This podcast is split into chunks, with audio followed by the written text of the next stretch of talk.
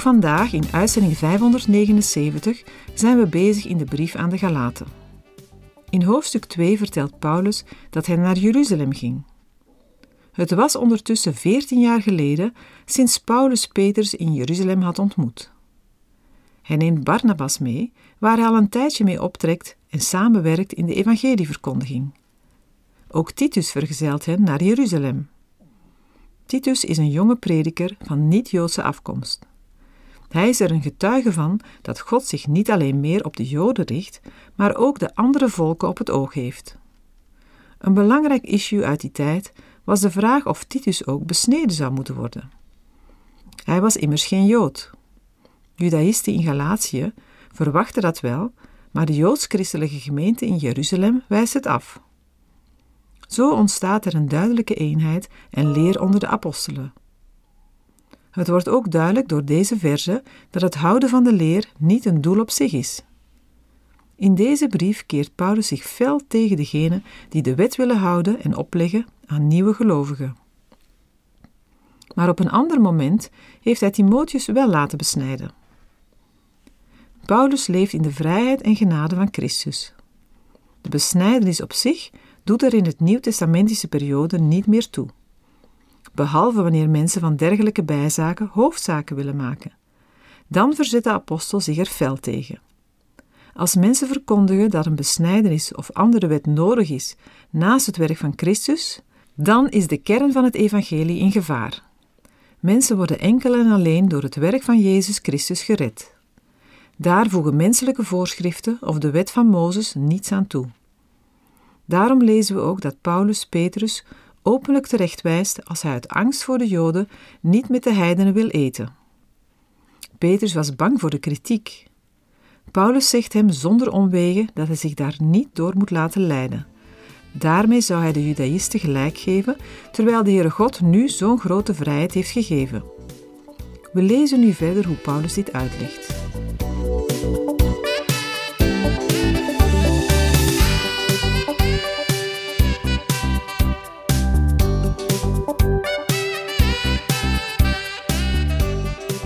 De vorige uitzending hebben we gelezen dat Paulus zich openlijk tegen Petrus moest verzetten. Want wat hij deed was niet goed. Eerst had hij namelijk samen met niet-Joodse christenen gegeten. Maar toen er enkele Joden uit de groep van Jacobus kwamen, deed hij dat niet meer en had voortaan apart. Hij was bang dat die mannen, die de besnijdenis zo belangrijk vonden, kritiek op hem zouden hebben. Galaten 2 vers 13 En ook de andere Joden huichelden met hem mee, zodat zelfs Barnabas zich door hun huichelarij liet meeslepen. Petrus had als leidinggevende en gezaghebbende apostel veel invloed, waardoor hij ook anderen meetrok. Het is een principe van alle tijden. Veel macht brengt veel verantwoordelijkheid. Hoe meer aanzien iemand heeft, des te fataler zijn de gevolgen als hij iets verkeerds doet. Hier dreigden er twee gemeenten te ontstaan. Petrus is een waarschuwend voorbeeld voor iedereen die eender welke vorm van autoriteit heeft. De gemeente in Antiochië was grotendeels een heidense kerk, hoewel het een mengeling was van Jood en heiden. We zullen alleen begrijpen wat daar gebeurde als we bekijken hoe de vroegere kerk werkte. Ze hadden een liefdesmaal dat gehouden werd in verband met de maaltijd des Heren. Paulus heeft over dit onderwerp veel te zeggen in 1 Korinthe. De vroege gelovigen kwamen samen voor een maaltijd, een liefdesmaal, voordat ze de maaltijd des Heren vierden. Toen heidenen gered werden, ontstond er een probleem. In de gemeente waren Joden die nooit iets gegeten hadden dat aan afgoden gewijd was. De heidenen waren afgodendienaars geweest. En zij waren gewoon vlees te eten dat eerst aan afgoden geofferd was. Ze aten ook varkensvlees en vlees van andere dieren die in de wet van Mozes als onrein werden aangeduid. Het maakte voor hen geen verschil, omdat zij zo waren opgevoed. Wat moest er gedaan worden om de Joodse christenen niet te ergeren?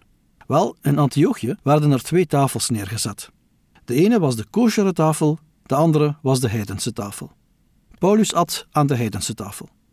Hoewel hij een Jood was, at hij met de heidenen, omdat hij leerde dat of je vlees eet of dat je geen vlees eet, het geen verschil maakt. Het zal je niet bij God aanbevelen. Toen Simon Petrus Paulus in Antiochië kwam bezoeken, werd het voor hem een nieuwe ervaring, omdat hij, hoewel bekeerd, nooit iets onreins had gegeten.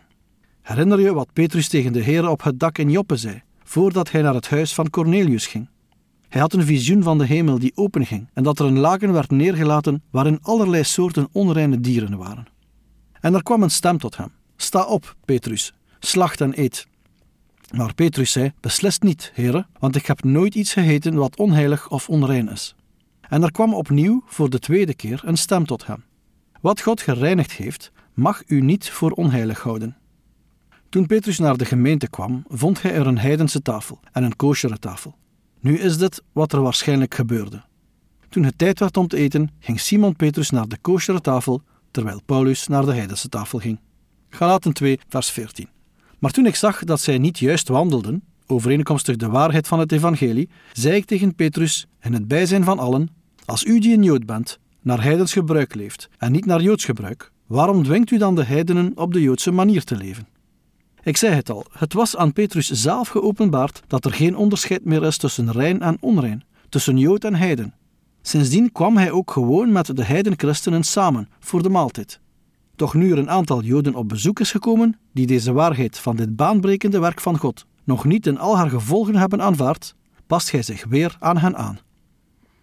De versen 15 tot en met 21 kunnen we enerzijds opvatten als voortzetting van Paulus' verwijt aan Petrus, anderzijds heeft Paulus hier ook de situatie van de Halaten op het oog.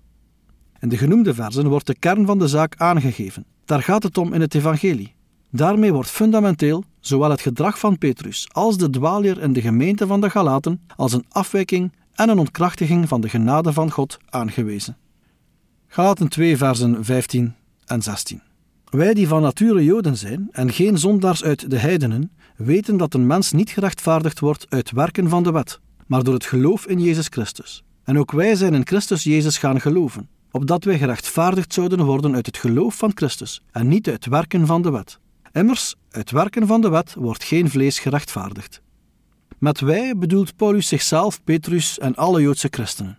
Iedere Israëliet is zich bewust van zijn uitverkiezing door de Heer en prijst God dagelijks voor de gave van de wet, de Torah, waardoor zij rechtvaardig voor de Heer kunnen leven. Maar sinds zij Christus als heiland hebben leren kennen, weten zij dat ze door de wet niet tot God kunnen komen. Zij staan onder hetzelfde oordeel van God als de niet-Joden, de heidenen. Buiten Christus is ook voor Joden, die ijveraars in de wet kunnen zijn, de enige conclusie dat ook zij zondaars zijn. Wat Paulus hier wil zeggen is precies hetzelfde als in Romeinen 3, versen 9 tot en met 12. Daar staat: Wat dan wel? Zijn wij voortreffelijker? Beslist niet. Wij hebben immers zojuist en Joden en Grieken beschuldigd dat zij allen onder de zonde zijn, zoals geschreven staat. Er is niemand rechtvaardig, ook niet één. Er is niemand die verstandig is.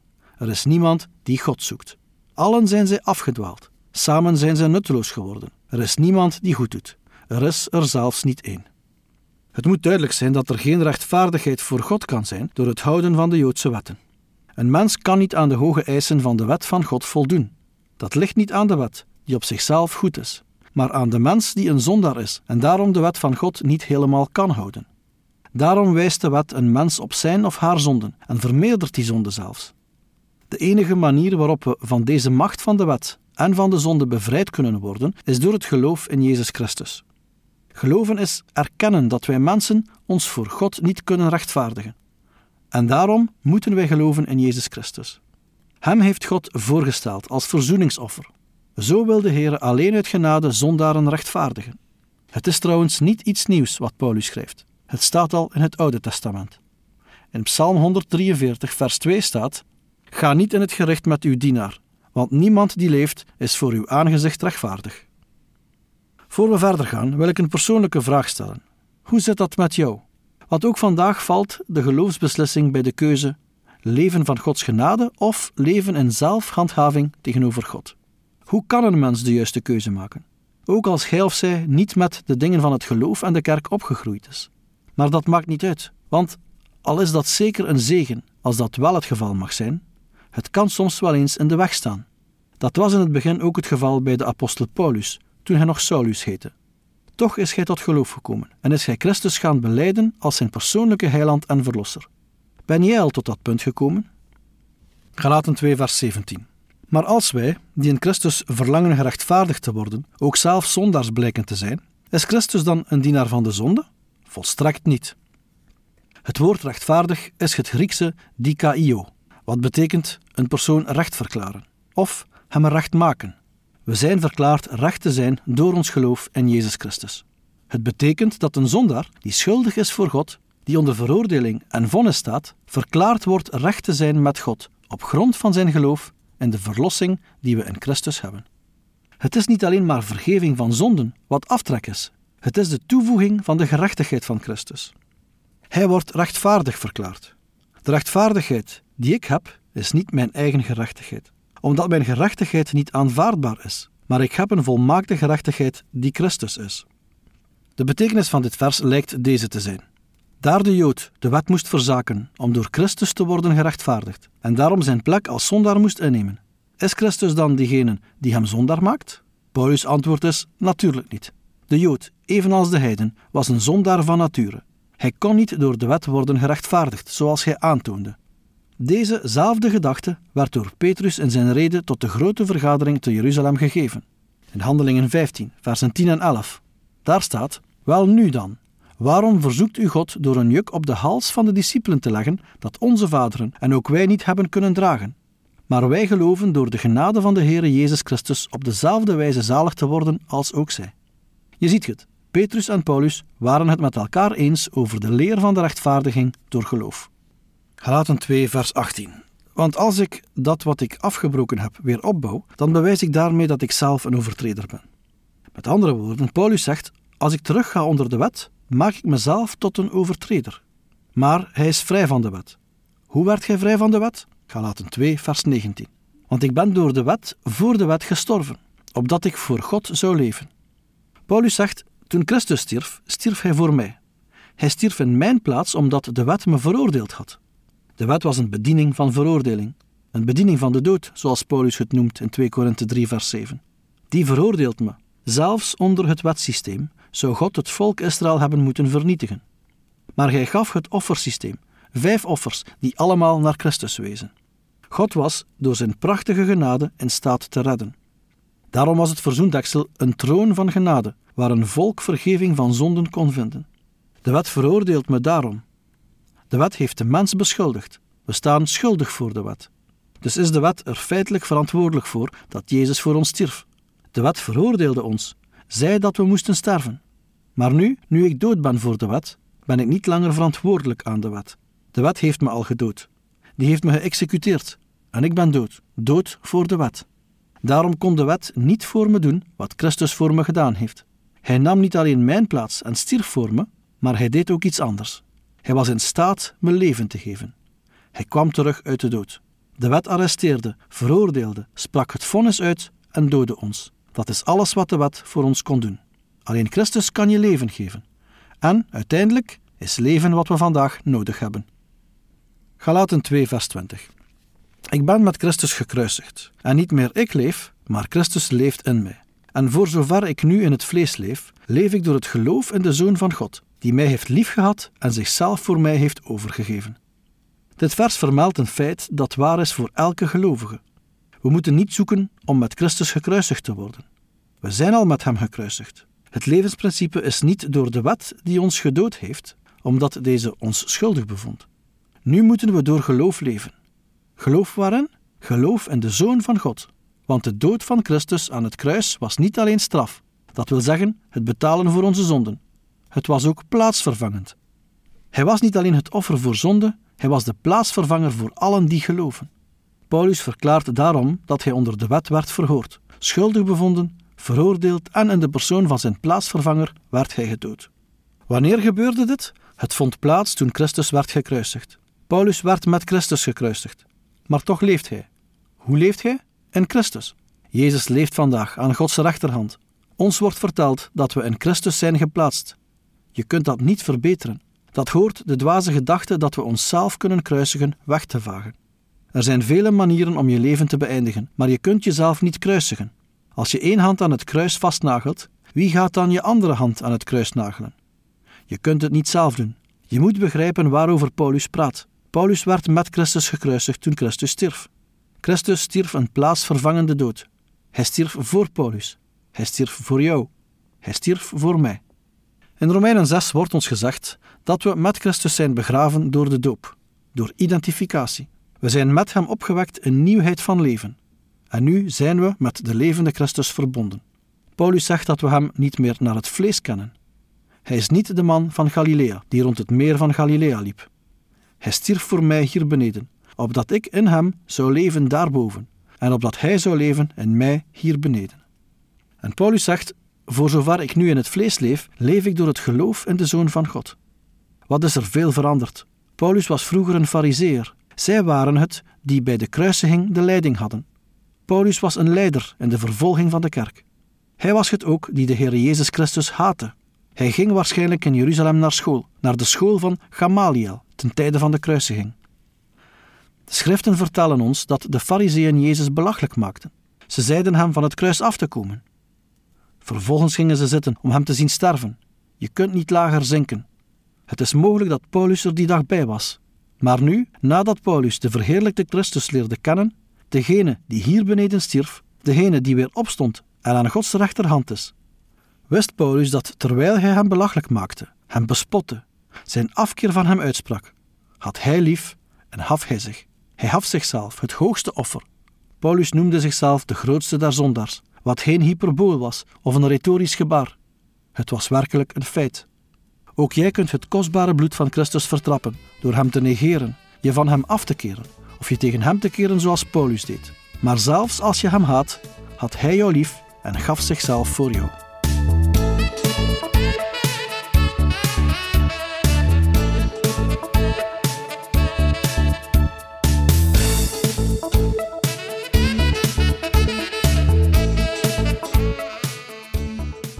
Heeft geluisterd naar Door de Bijbel, een programma waarin we in vijf jaar tijd de ganse Bijbel bespreken.